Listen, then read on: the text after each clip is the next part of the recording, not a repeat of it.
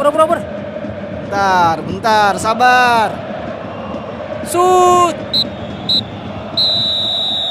Ya, udah setengah babak. Halo semuanya, balik Oh, oh. lagi. Eh. Balik lagi di podcast setengah babak. Oh, kayak kita berdua aja, Pok. Iya. Gue takut sumpah. Bentar gue mau swipe dulu. Gitu gue gue batuk lu- keselak gue mau opening keselak. Oh. Halo, Gitu. selamat selamat setengah babak. Selamat kembali lagi di podcast setengah babak. Ya, yang tidak jelas ini karena kita masih mengikuti aturan PPKM. Nah, eh, tapi tapi Ini tapi rempet Pa- Pantes tadi lu nanya PPKM masih berlangsung apa enggak? Nah, itu. situ. Bener, karena gue nggak tahu maksudnya aturan ppkm tuh masih berlaku dengan level yang sama apa enggak sekarang gitu. masih Jakarta masih level 3. Ya, Jawa Bali kan? Hmm, Jawa Iya, Bali. Jawa Bali masih Tapi turun kan dari level sebelumnya kan? Ya Gitu. ditembak sniper belum knock lah. Iya iya benar. Itu gimana, Benar. Pok? PUBG. Oh. Iya, nah kalau misalkan semua hal itu ada aturan ya, sama dong kayak misalkan kejadian-kejadian di lapangan yang mengubah aturan sepak bola, ya kan? Jadi Iya. di, di lapangan sepak bola juga ada aturan yang berlaku karena ada suatu kejadian sebelumnya, gitu ya nggak sih? Jadi jadi eh, karena sebuah apa ya, insiden di, Iya, di lapangan, Mm-mm. jadi itu membuat eh, Mengubah. Ah.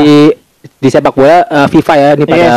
eh, eh, di Kasus sini ini ya. pada kasus ini membuat sebuah aturan. Yes betul. Jadi karena betul. insiden itu terus akhirnya jadi eh, mengubah aturan yang ada eh, jadi sesuatu hal yang beda lagi dari sebelumnya gitu. Ya, ya udah bahas. nah, nah, nah, nah, nah, nah, nah. Sebuah aturan itu kan biasa diciptain, itu kan ada Nah. sebabnya, ya nggak sih? Kalau misalkan suatu hal tuh pasti Masa ada, ya ada orang. FIFA tiba-tiba iseng ah mau bikin peraturan ini? Nah. Nggak mungkin dong. Betul. Nggak mungkin kan? Yes, nggak mungkin. Nah, kejadian tertentu itu juga bisa ngubah ya tadi gue bilang tuh. Misalkan Iya, ada iya. satu insiden itu bisa ngubah aturan yang tidak ada. Ini kita muter-muter doang sumpah. Iya, Ini kita muter-muter doang, mending kita langsung masuk ke aturan-aturan tersebut. Gimana? Boleh, langsung aja deh daripada muter-muter ya. Ah. Iya. Dari tadi kejadian-kejadian aturan-aturan diulang-ulang Iya, terus diulang-ulang juga terus. bridging ya kan, nyari yang pas Iya, dulu buat iya. masuknya gitu. Iya. Ternyata tiga-tiga bodoh nih bridgingnya Iya. nih, nggak ada yang bisa nutup gitu. Nggak- bukan nggak bisa iya nggak mulanya nggak bisa, mulanya bisa tapi buat ada ke bisa nggak bisa. nyambungin ke dari bridging ke Sama tadi. materinya gitu. Iya, Masuk udah. ini kalian lama-lamain juga kan Iya, termasuk ini nih. Ya udah langsung aja masuk ke materi tentang kejadian di lapangan yang mengubah aturan sepak bola. Coba dulu, gue dulu ya. Ya udah. Boleh. Emang briefingnya gitu kan? Gak usah disebut. Tektok dong. Oh, iya, sorry, sorry. gue capek bener sama Capek partner gue nih. Sorry, sorry, sorry, sorry. Aturan pertama, eh selebrasi seorang pemain ketika mencetak gol dengan melepas jersinya. Wow. Oh, iya, itu lumayan emosional sih kalau dilakukan ya Iya, kejadiannya. kejadiannya. Tapi nggak tahu nih sebabnya gimana. Iya. Coba ceritain. Ini kan biasanya nih dalam sekarang kan aturannya kalau melepas jersey atau membuka membuka jersey melewati kepala itu Hmm. itu akan kena kartu kuning. Kakak. kuning. Oh. Iya. Terus Iya, kartu kuning ya gue tahu ya. Terus Nah, itu ternyata ada sebab uh, ada ada yang sebab menyebabkan akibatnya. betul ada yang menyebabkan hal tersebut. Sebab akebab. Iya. Capek, bener gue capek. ya udah nggak apa-apa ceritain aja dulu kita ngobrol biasa. Nah, uh, kejadian itu terjadi pada tanggal 2 November 2002, tepatnya di pertandingan Liga Inggris. Hmm. Iya. Enggak. itu sih deg-deg gitu ada. Oh, biar Nanti shortcutnya ada efek enggak deg enggak ada enggak ada. Gak ada deg-degan tapi lu bikin sendiri ya. Iya. Nah, eh, pada pertandingan tersebut eh, terjadi eh, pertandingan antara Manchester United menghadapi Southampton. Hmm. Waktu itu tuh eh, pada pertandingan tersebut eh, skor itu sedang sama kuat 1-1 dan eh, Manchester United kemudian memasukkan Diego Forlan pada menit ke-79. Hmm, Dan iya. 6 menit setelahnya ternyata si Forlan ini langsung menjadi pahlawan kemenangan United dengan golnya yang berhasil dia cetak. Oh iya iya iya iya. iya. Nah, karena kurs krusialnya gol tersebut nih eh, membuat si Forlan itu begitu ekspresif eh, dalam eh, merayakan gol tersebut. Nah, karena eh, saking ekspresif ekspresifnya ini, Hmm. eh, ia kemudian bahkan sampai melepas jersinya tersebut dan berselebrasi sambil bertelanjang dada. Hmm. Kulitnya juga ke- ikut ke bawah kan kulit. Enggak. Ah, Lengket banget tuh ya keringetnya ya. organ tubuhku terlihat. Lengket banget anjir jersey sama keringetnya. Iya, dijahit. Lanjut. Nah, namun rupanya sesaat setelah pertandingan kembali dimulai setelah si gol Voran tersebut, ternyata si Voran tersebut tidak dapat dengan segera diulang-ulang ya. Si Voran tersebut tidak dapat dengan segera menggunakan jersinya. Ia bahkan dalam beberapa menit sempat bermain dengan bertelanjang dada. Jadi waktu Oh, kick off iya. langsung dia oh iya. masih telanjang dada terus lari-lari gitu Iya, sampai iya, ngejar iya. pemain lawan. Itu kejadiannya kayak gitu ternyata. Oh iya iya iya. Nah, hal tersebut yang sampai membuat si Voran harus menepi ke pinggir lapangan untuk memakai jersinya kembali dengan benar. Emang sesuai sesuai itu ya pakai jersey ya kayak. Iya ya. Kayak Karena kan- lu cuma masukin doang sih. Oh mungkin pas dia lagi selebrasi dia buka jersey terus dia taruh jersinya dibuang di mana tahu dia ke keliling lapangan dulu sampai capek Enggak gitu. PR banget dong mau ngapain ditaruh di bawah kan ngejar bola. Kalau gitu dia bisa minjem ke pe- penonton. Iya. Ada pakai baju baju Iya, jersey iya, juga. iya, kenapa ya? Iya, Kenapa harus benar. Tanyang dada lu kira main tarkam anjir. Iya Nah, deh. kejadian tersebut yang rupanya membuat FIFA menerapkan aturan baru dalam law of the game-nya. Oh iya. Eh, tepatnya pada FIFA law of, law of the law of football Number- number 12. Iya. Anjay. 12 langsung anjing. Nomor 12. Iya. Bunyinya gimana? Krik. Waduh. Krik. Waduh. Gak ada yang niat mencet mainin ini dan lagi apa? Tangannya usah. dipakai semua ya. Gak usah. Gak usah. Tapi mana sih kemarin? Ikut ya? Eh. Bukan dong. Bukan dong. Eh, Padahal gue nggak denger ya. Gue eh aja. Mana ya? Ya udah. Ya udah lanjut lah. Salah. Masih mau main nggak? Masih lanjut, main, mau- mau- mau- mau Eh, gue gue masih mau main. Enggak maksud lanjut gua. Nah, eh, bunyinya ter- aturan tersebut adalah pemain harus diperingatkan meskipun golnya dianulir tentang melepas jersey atau menutupi kepalanya menggunakan jersey. Ya, itu tadi yang gue bilang. Aturan sekarang Iya, tuh iya, kalau iya. melepas jersey atau Ulang-ulang soalnya lu gak mirip sama ketua FIFA-nya gua. Gua gak kebayang soalnya jadi nggak Iya, bisa iya, nggak mirip soalnya. ini 2002 masih subletter berarti ya? Iya. Gue juga nggak tahu lagi gimana suaranya. Pemain yang Kurang, harus kurang, kurang, atau kurang. Eh, itu jatuhnya kayak ini Kakek-kakek kan? Kidaus. kan subletter udah tua juga, udah kakek-kakek. Iya sih, benar. Iya Tapi sih. mirip Kidaus. Ya nggak apa-apa lanjut. Eh, tadi sampai mana tuh gua? Melepas jersey Ah, atau iya menutupi kepalanya menggunakan Nah jersey. itu dia FIFA ternyata sebenarnya tidak melarang pemain untuk eh, berselebrasi, Hmm. Namun mereka tidak akan mentoleransikan selebrasi yang berlebihan atau Hmm, iya, iya. bahkan membuat eh, waktunya itu terbuang sia-sia atau mengulur waktu lah. Iya. Eh, mereka menganggap aturan ini akan membuat sepak bola men- salah. Ternyata. Apa? Ternyata salah. Kagak usah tegang-tegang amat sih lu pada tegang-tegang amat bacanya gimana? Kelewatan Siapa- tadi, siapa yang salah Eh, nih? ini Siapa dulu yang salah? yang- Gue gue gue gue Ketua kelewatan, FIFA-nya. gue kelewatan, gue Jika kelewatan. pemain yang melanggar. Heeh. Nah, aturan ini tuh kemudian mendapat respon negatif dari beberapa Hmm. pemain dan juga Oh, beberapa iya. supporter. Iya. Karena alasannya tuh menganggap aturan ini akan membuat sepak bola menjadi kurang berwarna. Hmm. Ya iya kan warna jersinya dilepas ya. Iya jadi warna coklat semua. Jadi warna kulit semua ya. Iya. Benar, iya benar. Nah, ini katanya bahkan ada beberapa teori yang muncul mengenai aturan ini nih. Mm-mm. Dikatakan bahwa FIFA lebih mengutam- mengutamakan sisi bisnisnya saja. Hmm, iya. Alasannya adalah karena jika seorang pemain berselebrasi tanpa menggunakan jersinya, eh, otomatis logo sponsor utama yang terpasang tidak akan terabadikan. Oh, iya ya. Berarti dari dari sponsor jersey bisa dibayar bisa ini loh, bisa ngasih uang ke FIFA ya? Kalau gitu ini itu dong hitungannya. Di luar itu mungkin bisnis di luar itu mu- mungkin ada kerjasama lain kan misalkan kayak di sebuah liga kan ada sponsor lagi kan Iya. liga yang eh, mendukung eh, ah, sorry sponsor yang mendukung liga Kayak tersebut dulu gitu Liga Inggris itu Barclays ya. Iya. Kalau di Indonesia sekarang BRI. kayak gitu. Nah, itu kan berkaitan langsung sama sama si pem- mempunyya aturan dari setiap liganya mungkin ya. Mungkin. Itu. Sejadi seperti itu. Nah selain eh, karena masalah bisnis nih ada juga ya eh, teori yang menyebutkan bahwa FIFA ini dengan dengan sengaja menghindari pesan-pesan politik yang bisa saja disampaikan para pemain di balik jersinya. Meskipun pada akhirnya aturan ini sudah sah dan berlaku pada semua pertandingan resmi klub dan juga eh, negara. Ya. Gitu. Nah, ngomong-ngomong masalah tulisan-tulisan ini sebenarnya waktu itu gue pernah uh, seingat gue fan Persie. Dia cuman buka jersey itu tulisan kalau nggak salah RIP ya. Iya, iya, ah, iya Siapa benar. gitu gue lupa eh kenalannya pokoknya. Nah, itu mungkin itu yang sebenarnya diprotes sama banyak banyak eh, penggemar karena itu sebenarnya nggak ada pesan politik sama sekali, itu cuma pesan ber, belasungkawa. Iya betul. Iya, iya. eh, biasanya tuh kayak gitu eh, karena apa? Karena eh, keinginan pribadi pemainnya aja nggak ada Ah. kepentingan apa pun gitu. pesannya kayak pesan sebenarnya pesan ke kerabatnya kah ke Yes. pasangannya kah mungkin itu doang sih sebenarnya Iya. cuman mungkin maksud FIFA sendiri takutnya ada eh, Ada di- politik pesan di- tersembunyi di balik balik itu, iya. kalimat-kalimat tersebut Iya iya iya. Ya itu kan sebenarnya momennya aja karena momennya lagi merayakan terus kayak ada momennya atensinya lagi ke dia. Nah biasanya tuh eh, pemain tuh ada tulisan-tulisan di di di di apa namanya baju, di apa sih Baju baju, dalamnya, apa sih namanya? dalamnya. dalamnya manset manset Mansetnya iya itu. Kayak gitu sih. Kalau dari eh, aturan buka jersey. Nah ada lagi aturan yang kedua kan?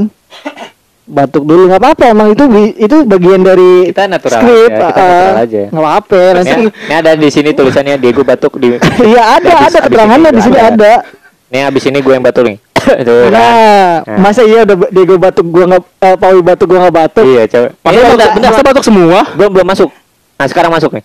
Nah, tuh. Udah skripnya kayak gitu. eh iya benar. Lanjut aja nih daripada kelamaan nih. Iya. nah daripada kita diemelin satgas Covid kan batuk. Iya. Lanjut gua. yang kedua ini tentang penggunaan kartu kuning dan juga kartu merah ini kejadiannya adalah bagaimana sebuah eh, insiden di lapangan menginspirasi seorang wasit untuk menggunakan sebuah atau menggunakan kartu merah dan kartu kuning sebagai indikasi pelanggaran yang dilakukan oleh pemain tersebut. Hmm, iya iya. Tepatnya ini pada laga Piala Dunia 1966 antara Inggris melawan Argentina. Pertemuan kedua negara ini dikenal sebagai eh, pertandingan yang selalu eh, bersifat keras dan juga sengit lah ya.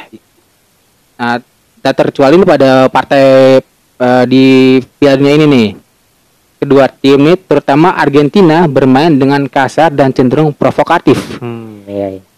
Puncaknya terjadi saat wasit asal Jerman Rudolf Kreitlen mengusir kapten Argentina Antonio Ratin. Iya. Namun ini ternyata pengusiran tersebut bukan dikarenakan oleh pelanggaran fisik, tetapi Ratin dianggap eh, melakukan kekerasan verbal kepada wasit yang dianggap menghina dengan kata-kata kasar. Oh, ini sebelum adanya kartu kuning sama kartu merah Ah, ya. jadi- Berarti wasit ngusir main ngusir aja gitu. woy. Iya, Iya, pergi gitu. Iya. Hmm, iya. iya. nah ternyata nih uniknya nih si, si sang wasit nih ada telepon nih. Enggak kedengeran. Keren-keren. Insya Allah sih nggak kedengeran sih. Nah, udah ditutup sama wasitnya nih teleponnya nih. Dia lanjut lagi nih pertandingan nih. Ternyata si si wasit ini si Kretlin ini tidak memahami bahasa dari Antonio Latin, bahasa Latin apa? Bahasa Latin dah. Bahasa Spanyol atau Argentina Iya iya. Iya, dan hanya menilai bentuk kekerasan verbal tersebut hanya dari ekspresi wajah sang Iya. pemain tanpa benar-benar paham ucapan yang sebenarnya. Oh, anjir. Oh, iya. Iya salah salah baca gerak bibir kali dia sama ekspresinya. Bisa jadi. Kelihatannya kayak marah-marah padahal minta duit. Waduh. Sorry sorry, tipis banget. Nah, si Kapten Argentina si Ratin ini yang merasa dirinya diusir justru memprotes keputusan wasit. hmm, iya lah nggak terima anjir. Namun nih Iya. karena si Ratin ini ternyata juga nggak bisa nih bahasa Inggris, bahasanya si apa wasitnya tersebut. Hmm. eh, te- akhirnya terjadi miskomunikasi antara keduanya hingga membuat pertandingan tertunda hampir selama 10 menit. Hmm. Bahkan nih untuk eh, membuat si Ratin keluar dari dari lapangan ini harus turun tangan dua orang polisi untuk menjelaskan ke eh, kenapa si Ratin harus keluar. Ini tangannya polisi taruh di mana diturunin? Eh, Lanjut. Lanjut. uh, tolong, tolong, tolong, tolong ya Allah, ya Allah. Kurang eh. Nah nih, lu tahu nggak sebenarnya apa yang diucapin sama si Ratin ini nih? Wah, tidak tahu tuh apa sih gol? Nah, ternyata nih si ucapan yang dikalimatkan kalah salah. Kalimat yang diucapkan oleh si Latin ini Iya. Iya, eh, iya. kepada wasit ia mengatakan Om, mampus lu harus bener lu hafalan pelafalannya harus bener lu. Equera on un.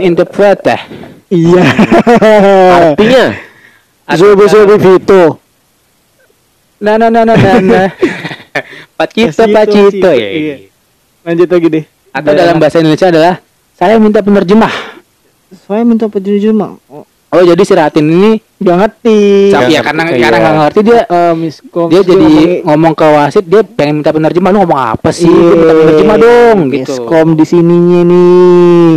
namun karena ekspresi mukanya yang sangar ditambah atmosfer pertandingan Iya, yang panas, lagi panas nih eh, jadi si wasit ini mengira sang pemain sedang mengumpat gitu bete banget ya dituduh gitu ya kayak orang kagak ngerti gimana sih sit gitu. Tahu capek gue main-main diusir jadi gue mau capek mulu ya Eh, iya lu capek bu. Nggak Jadi lu perlu istirahat deh gue. nah habis ini Oh habis iya. habis kenapa habis eh, awal mula tercit banyak kartu kuning kartu merah gue istirahat Oh iya. Ah, insiden insiden tersebut yang akhirnya menginspirasi Ken Aston Mm-mm. wasit asal Inggris untuk menciptakan kartu kuning dan kartu merah. Kartu tersebut akhir- akhirnya digunakan sebagai seperangkat alat yang dapat digunakan wasit dalam menentukan keputusannya dan bisa dipahami, dipahami secara universal. Nah, si Aston ini menyebut jika idenya tersebut eh, terlintas ketika dirinya sedang melihat lampu lalu lintas di persimpangan jalan. Iya. Nah, kan jadi sesimpel itu ya. Maksud gue Iya, dia iya, lagi Tap- mm-mm, tapi Lagi- efektif, iya. bener, Iya, tapi efektif efektif, efektif banget betul. Jadi berguna banget dan pakai sampai sekarang iya. gitu. ya udah gue serat ya. Ya udah nggak apa-apa ganti deh. Deh nih. Gitu. Oh ganti. Tap tap tap tap tap tap tap tap. Iya. Aduh. Kedengeran nggak, Mat? Enggak. Aduh. Kalau mau diulang sakit tangan gue anjir. Ngomong-ngomong ganti nih. Nah, Nah. bagus. Nah, waktu itu eh, sebelum tahun 1967 eh itu peraturan di sepak bola itu Ya. belum menggunakan eh, pergantian pemain. Wow. Bisa, Bang? nah, dulu tuh eh, ma- masih Jangan bingung, Pak. kadang Jangan bingung, Pak. Kadang diperbolehkan, Ah. kadang enggak, kadang juga diperbolehkan dengan syarat tertentu. Nah, di sini gua akan jelasin eh gimana sih pertama kali terciptanya pergantian pemain itu jadi dijadikan eh, peraturan yang sah gitu ya. Oh, Iya. jadi maksud lu aturan Iya. pergantian pemain dulu tuh masih rancu ya, Masih abu-abu gitu. ada yang masih belum jelas. boleh, Ah. ada yang dibolehin tapi dengan syarat, ada yang ya gitu. Iya, oke, oke, oke. jadi gimana? Jadi gimana? Jadi gimana? Iya deh kalau lanjut. Temen lu nggak ini ya, nggak support Iya, dia, dia enggak ekspresif anjir. ekspresif, bukan ekspresif dong. Ekspresif berarti Biasa melestarikan gua sesuatu. ekspresif gitu. Ah, Ya, gitu. fluktuatif. Ya. Fluktuatif. Gua nggak fluktuatif. Nah, tetapi setelah pertandingan yang uh, terjadi antara Carlton Ale- Athletic melawan Bolton Wanderers pada tahun 21 Agustus. tahun 21 Agustus Eh. kapan sih Pak kalau boleh tahu Pak? Pada tahun 21 Agustus. ini kita pada kenapa sih? Oh, gugup, gugup banget ya pada ya. Mentang-mentang nih. tahun 21 Agustus bulan 1965 tuh gimana sih Pak kalau boleh tahu Oke, lo? oke gue ulang ya. Pada tanggal 21 Agustus 1965, Eh, nah aturan pergantian pemain menjadi berubah selamanya. hmm, gimana tuh? Nah ceritanya pas pemain Carlton itu eh, bernama Kate Peacock, Peacock ya di ini ya. Hmm. Nah itu kalau misalnya kaki lu sakit tuh, pengkok, Pengkok, Pengkok. peng, pengkor, Peacock, asik ya udah. pika. Nah dia udah terlanjur datang ke lapangan nih Hmm. eh, pada pertandingan tersebut. Nah terus eh, diberi kabar jika ia tidak akan dimainkan. Jadi itu pertandingannya udah pas tuh 11-11. Nah si si Kate Peacock ini da- eh, datang juga udah terlanjur datang tapi dikabarin kalau dia nggak akan main. Nah dia pun ke- kecewa lah ya. Hmm, udah datang dia nggak main kan. Sambil melepas kaosnya dan dia pergi eh, meninggalkan lapangan. Nah, rupanya saat pertandingan memasuki menit ke-11, kipernya Carlton itu eh, si Mike Cross tiba-tiba cedera gitu. nggak tahu nggak kenapa tiba-tiba ah cedera. Emang dia ngomong ah gitu? Disantet kali anjir. Eh, lanjut dah. nggak tahu disantet atau apa ya. Enggak masa di ini. Nah saat itu tim yang bertanding nggak bawa pemain cadangan. Ya buat apa bawa juga kan nggak ada eh, Iya, peraturan buat diharuskan. Iya nggak diharuskan kan. Terus eh, bahkan beberapa tim eh Cuman bawa iya, pas-pasan cuma pemainnya pas- 11 pemain pas doang ya. gitu, karena nggak ada pertandingan. Nah, eh, si kiper itu kan cedera nih. Heeh. Ya, ya. Heeh. Ini tebak-tebakan nih kayaknya. Nah dia nggak nggak sampai eh, cederanya itu nggak bisa sampai nggak bisa melanjutkan pertandingan. Oke. Ya. Ya, bukan si kiper ini yang diganti. Lu yang gue ganti lama-lama deh, Pak. Iya, iya. Bingung kita, menerap- kita menerapkan pergantian pemain di podcast Iya, ini. kayaknya harus diganti pemainnya nih. Boleh nih teman-teman yang dengerin siapa apa Iya, nih yang dengerin podcast ini kalau mau gantiin. Pawi boleh deh. Boleh. Eh gantiin Diego Pawi gua Diego tadi juga lagi boleh. Iya ganti aja deh. Iya. Pakai nih podcast kita pakai nih udah di noise nih, pakai aja deh, bebas lu. Ya udah. Lu mau ngetek kapan juga pakai aja. Udah gue pulang ngambek. Kecewa gue. Ya udah lanjut dulu. Karena si sang kiper tidak dapat melanjutkan pertandingan. Pikak yang belum sempat pergi. Nah, dia belum sempat pergi nih, terus diminta untuk datang lagi nih buat gantiin si Rose. Eh, posisi asli Nah, posisi si Pikak ini kan gelandang ya. Iya. Nah, tapi dia eh, karena darurat dia mau nggak mau kan dia harus main tapi dia nggak jadi Kiper. eh, dia jadi wasit kalau nggak salah. Enggak dong. Masa ke wasit. Emang jadi apa, Mat? Jadi pa- panitia pet Waduh, upacara. waduh. Wah. Ah. Lanjut tuh. Nah, si Pikak ini eh, dimainin sebagai bek kiri, nggak jadi eh, nggak jadi sesuai aslinya dia. Hmm, Nah, terus iya. si kipernya itu yang cedera tadi digantiin oleh pemain Karton juga namanya John Heu Hewi. Nah, itu dia ditugasin jadi kiper. Nah, makanya setelah kejadian tersebut pada musim yang sama Liga Inggris mulai memberlakukan pergantian pemain, tetapi hanya sebatas apabila ada pemain yang cedera. Nah, ini udah peraturannya nih, tapi hanya untuk pemain yang cedera. Barulah kemudian pada tahun 1967 aturan tersebut disempurnakan. Pergantian pemain bisa dilakukan tak hanya untuk pemain yang cedera aja, bisa dilakukan untuk mengganti pemain yang kelelahan, eh Ataupun ganti strategi, rotasi atau Iya. ganti stadion. Enggak enggak enggak kejauhan kejauhan. Deh, Pokoknya itu itu awal mula pergantian pemain. pergantian eh, pemain itu dilakukan gitu. Oke, udah ya, cukup ya. Berarti Cukup cukup cukup. Nah, sekarang dari dari 5 menit pertama sampai ke 20 menit ini usah didengerin lah, skip, skip aja aja. lah gitu ya. Iya. Ini langsung aja gue kasih aturan yang jelas deh, gitu Heeh. ya. Yang selanjutnya ini adalah aturan back pass. Nah, Apa ini sih aturannya? lu pada belum tahu kan? Maksudnya lu tahu back pass, back pass, back pass tapi nggak tahu Ini. nih intinya apa sih back pass itu, Bang? Ini gue jelasin nih dengerin nih. Oke deh. sekarang nih gue juga belum paham nih mengenai aturan back pass yang Wah, benar nih. tenang Soalnya kau. rancu nih. Nah, tenang. Podcast ini menjawab keraguan itu.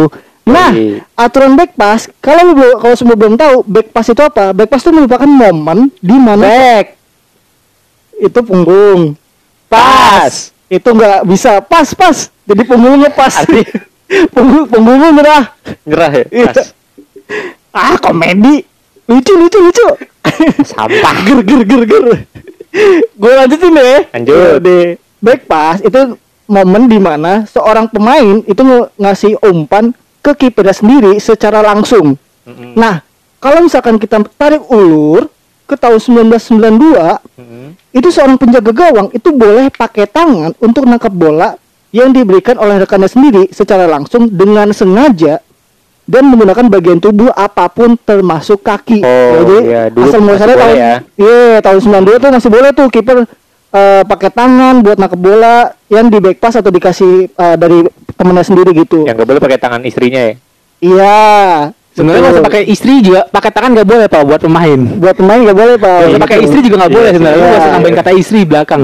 Apalagi Iya. kalau misalkan pakai tangan-tangan eh, pengemis yang sedang meminta tidak Waduh, boleh kita kan boleh. tidak Iya, boleh. boleh. tangan di atas lebih baik daripada tangan di bawah kan. Apalagi pakai tangan kanan ya anak buah. Waduh.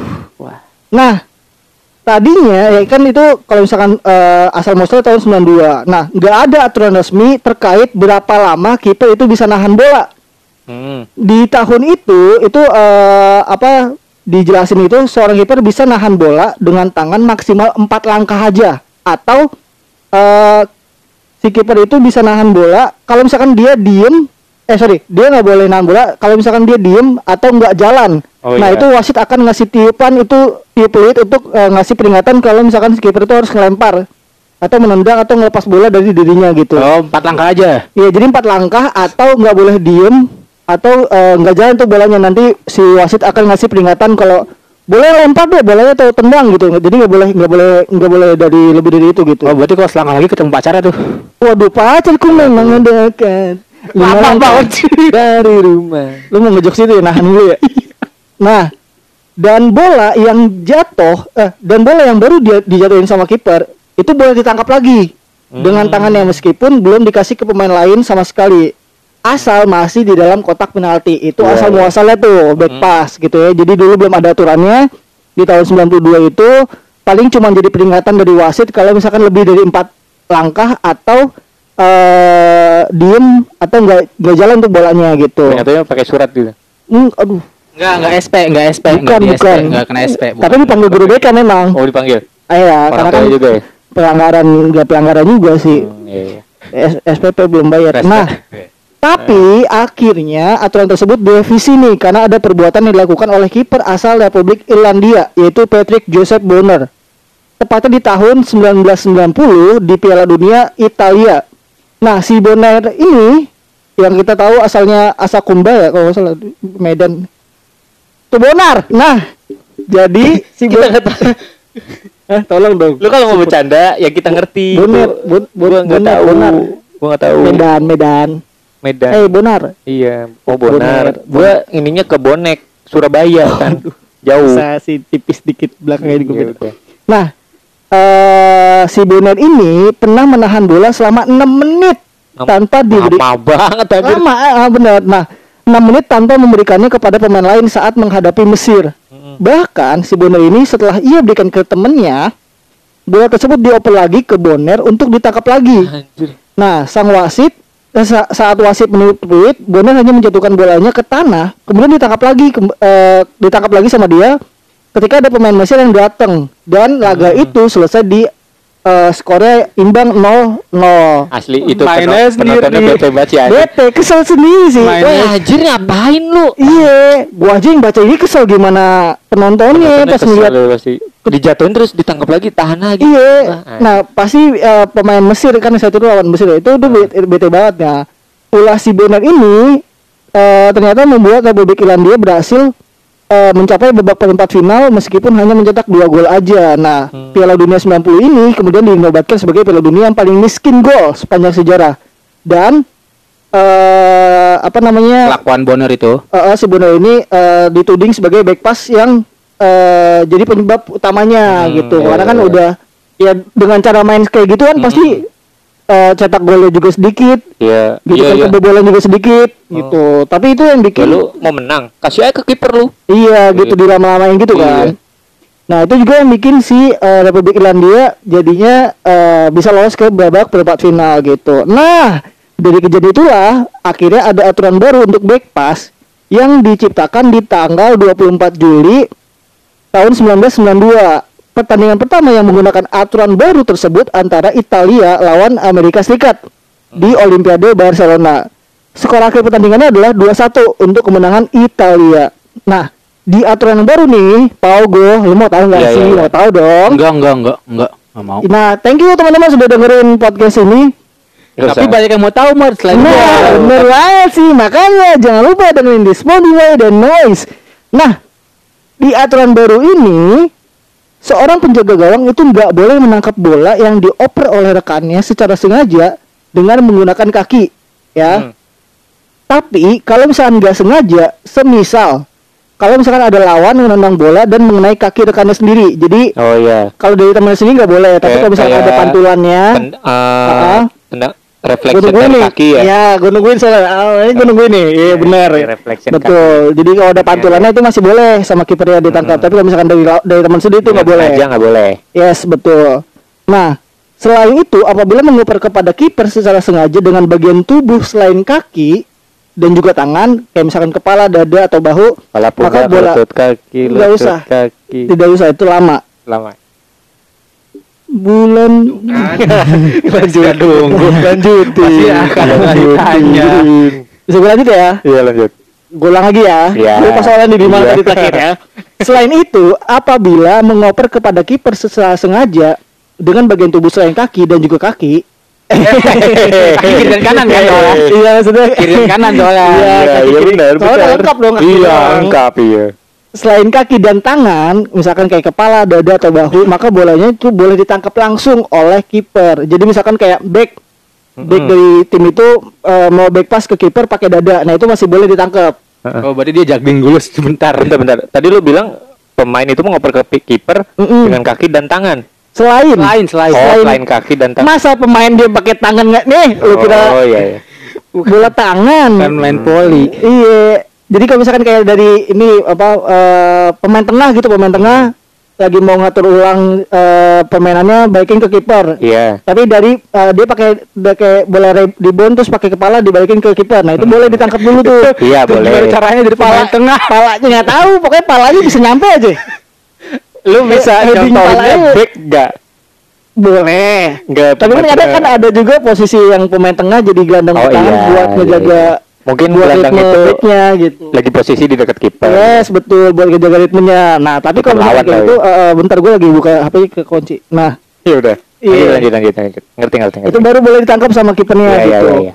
Nah, waktu yang diberikan bagi seorang kiper untuk menguasai bola itu jadinya cuma 6 men 6 enam menit lagi bete lagi menit dong. lagi lama ya? Iya. sorry. 6 detik pakai 6 detik, tangan ya. oh, iya. Kalau tadi sebelumnya sebelum ada aturan jelasnya itu 6 menit itu masih bisa si Bonner ini. Nah, di aturan baru itu cuma 6 detik. Selebihnya bola tersebut harus dijatuhkan, dilempar atau ditendang. Nggak boleh dicium. Waduh. Ya. Kalau dicium takutnya cemburu istri kipernya dong. Iya. Lu masa nggak merhatiin perasaan istrinya? Iya, iya. Iya kan, nggak boleh dong berarti. Nah, hitungan 6 detik itu dimulai ketika kiper berada dalam posisi berdiri sempurna dan tanpa gangguan dari lawan. Berarti kalau masih eh, di tanah jatuh di tanah belum boleh soal belum boleh Iya, tuh. betul harus harus Belum posisi- dihitung, belum dihitung. Iya, belum dihitung dari 6 detik. Harus posisi yang udah ber- posisi yang eh, kipernya udah berdiri pas, tegak, jelas gitu sempurna. Udah kuda-kuda gitu. ya. Boleh kalau dia boleh. mau silat. Kalau misalkan dia kiper dari tiba-tiba mau, mau silat boleh. Boleh. nah, bola yang sudah jatuh, bola yang sudah dijatuhkan secara sengaja di tangkapan itu nggak boleh ditangkap lagi sebelum Hmm. menyentuh pe- pemain lawan. Jadi kalau misalkan di aturan sebelumnya dijatuhin ditangkap lagi boleh, Mhm. di aturan yang baru dijatuhin udah nggak boleh ditangkap lagi kecuali ada sentuhan dari atau kena dari lawan dulu Oh, gitu. Itu oh, jadi sekarang kan dulu pernah tuh gue liat nonton pas ditangkap itu si kiper tuh mantul-mantulin bola tuh. Iya. Sekarang udah nggak boleh. di bukan dipantulin maksudnya dilepas. Oh, dilepas. Di- dilepas, dilepas Iya, iya, iya. eh, dilepas dari penguasaan kiper terus mau ditangkap lagi gitu. nah, Hmm, itu nggak boleh iya, tuh iya, iya. gitu. Nah, terus mana tuh? Nah, Hukuman, kan hukuman, hukuman. jadi apabila sudah dijatuhkan maka bola harus dimainkan dengan kaki. Hmm. Namun apabila bola itu merupakan hasil terpis tepisan atau tangkisan kiper yang nggak sempurna itu boleh ditangkap lagi. Misalkan kayak eh kipernya udah Rebound, rebound. Nah, rebound, Oh, rebound iya. gitu. Heeh. Tuh, nah, itu boleh ditangkap lagi gitu. Oke, oke. Nah, hukuman nih, hukuman bagi kiper yang melanggar aturan ini Cambuk. Bukan dong. Hukumannya itu berarti dia harus ikut Squid Game. Waduh. Ah? Lagi viral tuh ya. Iya. Gue belum nonton lagi. Lampu merah, lampu hijau. Hmm. Gerak dikit ditembak. Tembak. Dar. Iya. Habis lu. Ngampus nggak bisa main kiper lagi lu. Game Ya. ini. Hukumannya bagi kiper yang melanggar adalah tendangan bebas di dalam kotak penalti dan juga kartu kuning untuk sang penjaga gawang. Jadi Oh iya. kalau misalkan teman-teman melihat kok ada tendangan bebas atau free kick tuh di dalam kotak penalti itu biasanya Iya. karena eh, Back pass. back pass yang dilakuin sama kiper atau si eh, back dari tim itu dan eh, aturannya dilanggar gitu. Nah, itu makanya ada eh, free kick di dalam kotak penalti. Bukan bukan bukan tendangan penalti ya, tapi free kick gitu. Oh iya. iya. Kayak gitu sih hukumannya. Nah, itu Hmm, gitu beberapa ya. aturan yang eh beberapa ke- insiden yang bikin aturan itu jadi berubah gitu. Kayak co- eh, kayak beberapa insiden dari pemain-pemain yang tadi yang disebutin. Ini seingat gua aturan back pass ini pernah eh, juga ke, ke timpa sama United waktu itu waktu lagi eh, persahabatan.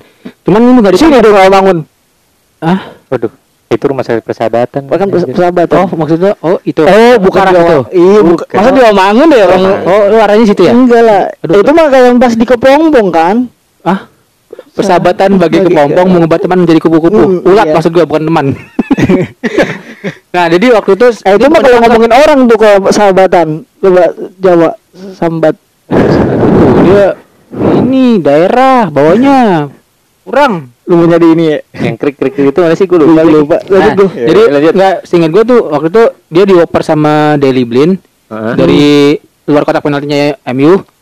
Eh dia ngoper ke kiper ke De Gea. De Gea. Cuman De Gea-nya itu kayak nggak siap karena nggak siap dia jadi Oh iya. nepis. Nepis, iya. Betul, nepis, bukan nangkep. Nah, itu berarti nepis juga termasuk back pass. Hitungannya dong. Termasuk karena ya kan Mat termasuk. Iya, iya. Tapi tapi itu ya?